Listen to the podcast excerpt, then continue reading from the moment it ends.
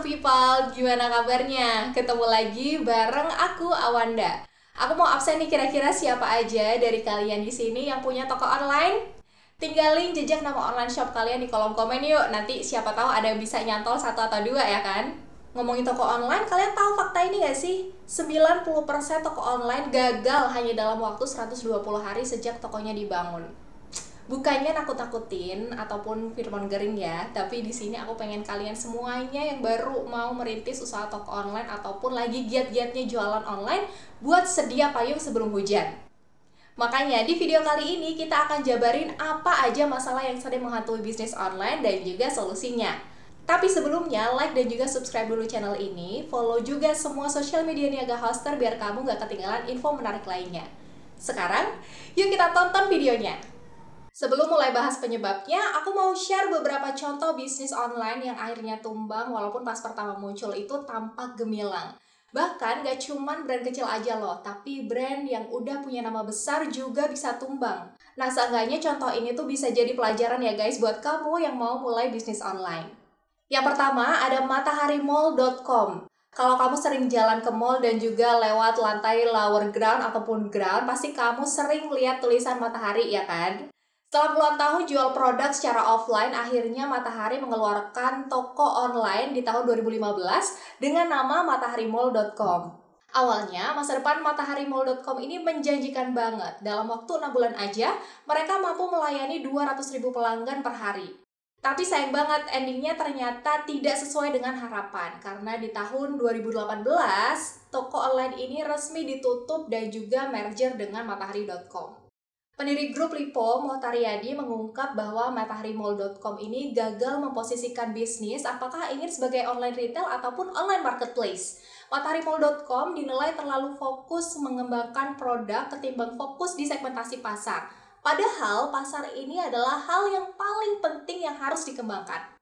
Terus ada juga Kelapa, platform online marketplace khusus kerajinan tangan Indonesia yang berdiri tahun 2015. Awalnya banyak banget yang kagum sama platform ini karena turut membantu dan juga mengempower pengrajin lokal untuk memperluas pasar. Bahkan platform ini berhasil dapat pendanaan seri A loh dari investor India. Nggak cuma itu, Kelapa juga dianugerahi aplikasi Hidden Gem sama Google Play. Wah, mantep banget nggak tuh? Tapi akhirnya di tahun 2019 Kelapa berhenti beroperasi. Ada banyak spekulasi mengenai tutupnya Kelapa, tapi alasan yang paling populer sih karena mereka nggak mampu bersaing dengan marketplace raksasa seperti Tokopedia dan juga Bukalapak. Kelapa cuma fokus jual produk kerajinan, sementara produk kerajinan juga dijual nih di marketplace yang lebih besar. Kalah dong ya dari segi harga dan juga variasi produk. Makanya kita harus sering-sering ikutin perkembangan pasar biar tahu apa sih sebenarnya keinginan pembeli ataupun target market kita.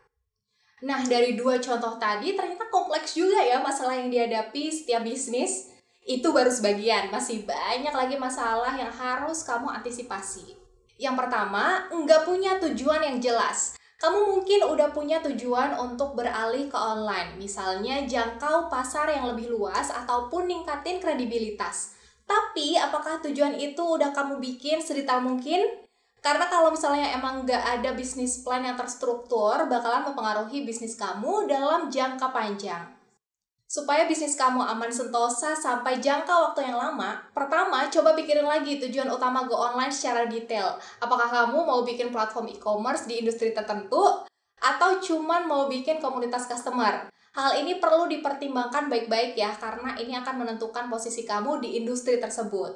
Kedua, pertimbangkan sumber daya yang dimiliki. Kira-kira mendukung nggak untuk proses go online secara maksimal?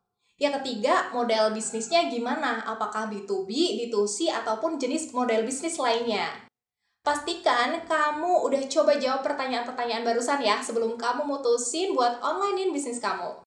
Next, belum siap go online. Ah, go online mah gampang, tinggal bikin web, sosmed, terus posting-posting produk deh. Gak gitu juga sih konsepnya. Emang sih go online itu kelihatannya mudah, tapi kalau nggak dibarengin sama skill yang mumpuni, ujung-ujungnya juga bisa zong. Ibaratnya kayak kamu tuh beli mobil, terus nggak belajar nyetir dulu dan nggak ngerti apa-apa tentang spare part. Bahkan Risa juga bilang kalau 44% pebisnis yang beralih ke online mengaku kurangnya skill dan juga ilmu digital bisa menghambat kesuksesan bisnis mereka. Makanya penting banget buat belajar ilmu digital marketing kayak SEO, SEM, social media marketing, dan juga email marketing kalau kamu mau mulai go online. Enaknya nih ya, sekarang itu udah banyak platform buat belajar digital marketing dari yang gratis sampai berbayar kayak blog, YouTube, dan juga kelas online.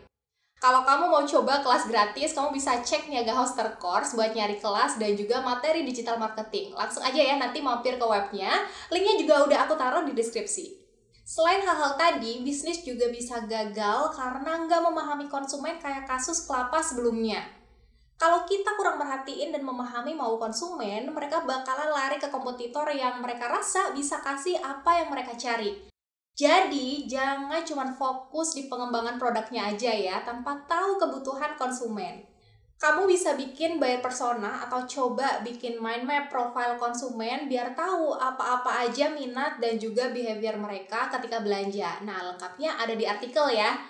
Kalau udah paham konsumen, kamu juga perlu tahu tren di pasaran. Salah satu caranya, kamu bisa pakai tools Google Trends. Tinggal klik topik yang pengen kamu cari, misalnya sepatu olahraga. Terus enter deh. Kamu juga bisa tuh cek tren tersebut dengan filter daerah yang spesifik di periode waktu tertentu sesuai yang kamu butuhin, misalnya 90 hari terakhir. Nantinya kamu bakalan dapat data grafik minat konsumen terhadap barang itu sesuai dengan filter yang kamu pasang. Cara ini berhasil dieksekusi sama Shopee loh. Karena platform mereka yang banyak diminati kaum hawa kayak aku gini, mereka jadi lebih fokus nawarin produk kecantikan dan fashion. Hasilnya, 77% perempuan lebih tertarik belanja di Shopee. Sampai-sampai biar penggunanya nggak bosen, mereka bikin fitur Shopee Games. Ada yang pernah mainin? Nah, fitur ini jadi senjata biar pengguna engage dengan aplikasi itu. Tujuan go online udah jelas, belajar marketing juga udah, tapi target keuntungan pemasaran belum kecapai. Aduh, masalah apa lagi nih? Ternyata kampanye pemasaran online kamu belum dieksekusi dengan baik. Maka dari itu, kamu perlu banget punya perencanaan pemasaran yang detail. Pertama, kamu tentuin dulu tujuan pemasarannya. Misalnya buat brand awareness atau yang biasanya disebut dengan tahap pengenalan produk dan brand atau emang mau fokus ningkatin penjualan. Terus manfaatkan sales funnel buat tahu konsumen sedang berada di fase mana. Apakah konsumen belum mengenal produk ataupun sudah ingin membeli produk. Nah, dari sini kamu bisa bikin strategi yang tepat buat setiap fase. Nah, penjelasan lebih detail tentang sales funnel ini udah aku tulis di artikel yang ada di deskripsi ya. Penting juga buat pilih saluran pemasaran yang tepat sesuai dengan tujuan pemasaran, misalnya lewat media sosial. Kalau kamu mau lebih terhubung dengan konsumen, kamu bisa pakai email marketing ataupun platform messenger kayak WhatsApp for Business untuk berinteraksi secara langsung. Ya terakhir, jangan lupa untuk atur periode pemasarannya. Kalau perlu, catat kapan-kapan aja kampanyemu jalan, biar kamu bisa tahu nih kapan performa naik dan juga progresnya bisa lebih terukur. Sampai di sini aman? Kalau misalnya kamu masih ada yang belum jelas dari penjelasan yang sebelumnya, langsung aja ya drop di kolom komen. Karena tim kita cepet kok, tenang aja. Nah, kalau masalah ini sering nih dialamin banyak pebisnis, yaitu kehabisan dana. Biasanya mereka udah pasang budget gede di awal buat pemasaran online. Padahal kampanye yang efektif itu diambil dari proses trial and error dulu dan butuh waktu buat ningkatin efektivitasnya. Jadi, semisal kamu punya dana 5 juta nih buat iklan Google Ads. Sebelum rilis iklan, kamu harus eksperimen dulu sama target dan juga matriks lainnya pastiin targetingnya tepat biar keuntungannya juga maksimal. Selain usaha yang berbayar tadi, kamu juga bisa pakai metode gratis kayak SEO dan social media marketing kok. Kalau kamu mau belajar SEO, aku ada artikelnya sama e-booknya, nanti kamu bisa langsung aja baca artikelnya di deskripsi ya. Kita lanjut ya, ternyata bisnis itu juga bisa gagal karena value proposition yang kurang menarik. Value proposition adalah nilai atau manfaat yang kamu tawarkan ke konsumen. Misalnya, bikin agen travel yang harganya terjangkau atau cafe dengan cita rasa terbaik dengan pemandangan yang menarik. Flashback lagi ke kelapa yang sebenarnya udah punya value yang cukup kuat, sayangnya seiring berjalannya waktu daya tariknya kalah sama kompetitor. Makanya, kamu perlu menyesuaikan lagi dengan minat konsumennya. Nah, kamu bisa coba tuh rancang pakai teknik value proposition canvas. Teknik ini akan membantu kamu untuk mengidentifikasi solusi terbaik dari setiap permasalahan konsumen dengan tetap mempertahankan value bisnis kamu. Buat lebih lengkapnya, kamu bisa baca langsung artikelnya di deskripsi ya. Yang terakhir, bisnis bisa gagal karena enggak mampu bersaing. Di luar sana udah banyak bisnis level dewa alias udah gede dan besar sampai bercabang. Makanya penting buat kamu nggak identifikasi kompetitor dulu buat bisa bersaing sama mereka. Coba bikin list perkiraan kompetitor bisnis kamu, terus analisis mereka satu-satu pakai teknik SWOT, Strength, Weakness, Opportunities, and Threats. Misalnya nih, kamu punya bisnis fashion wanita. Dengan teknik SWOT, kamu bisa identifikasi apa aja keunggulan dan kelemahan bisnis kamu dari kompetitor. Misal, perbedaan bahan kain yang kamu pakai itu lebih baik daripada kompetitor, tapi harga barang kamu lebih mahal, dan sebagainya.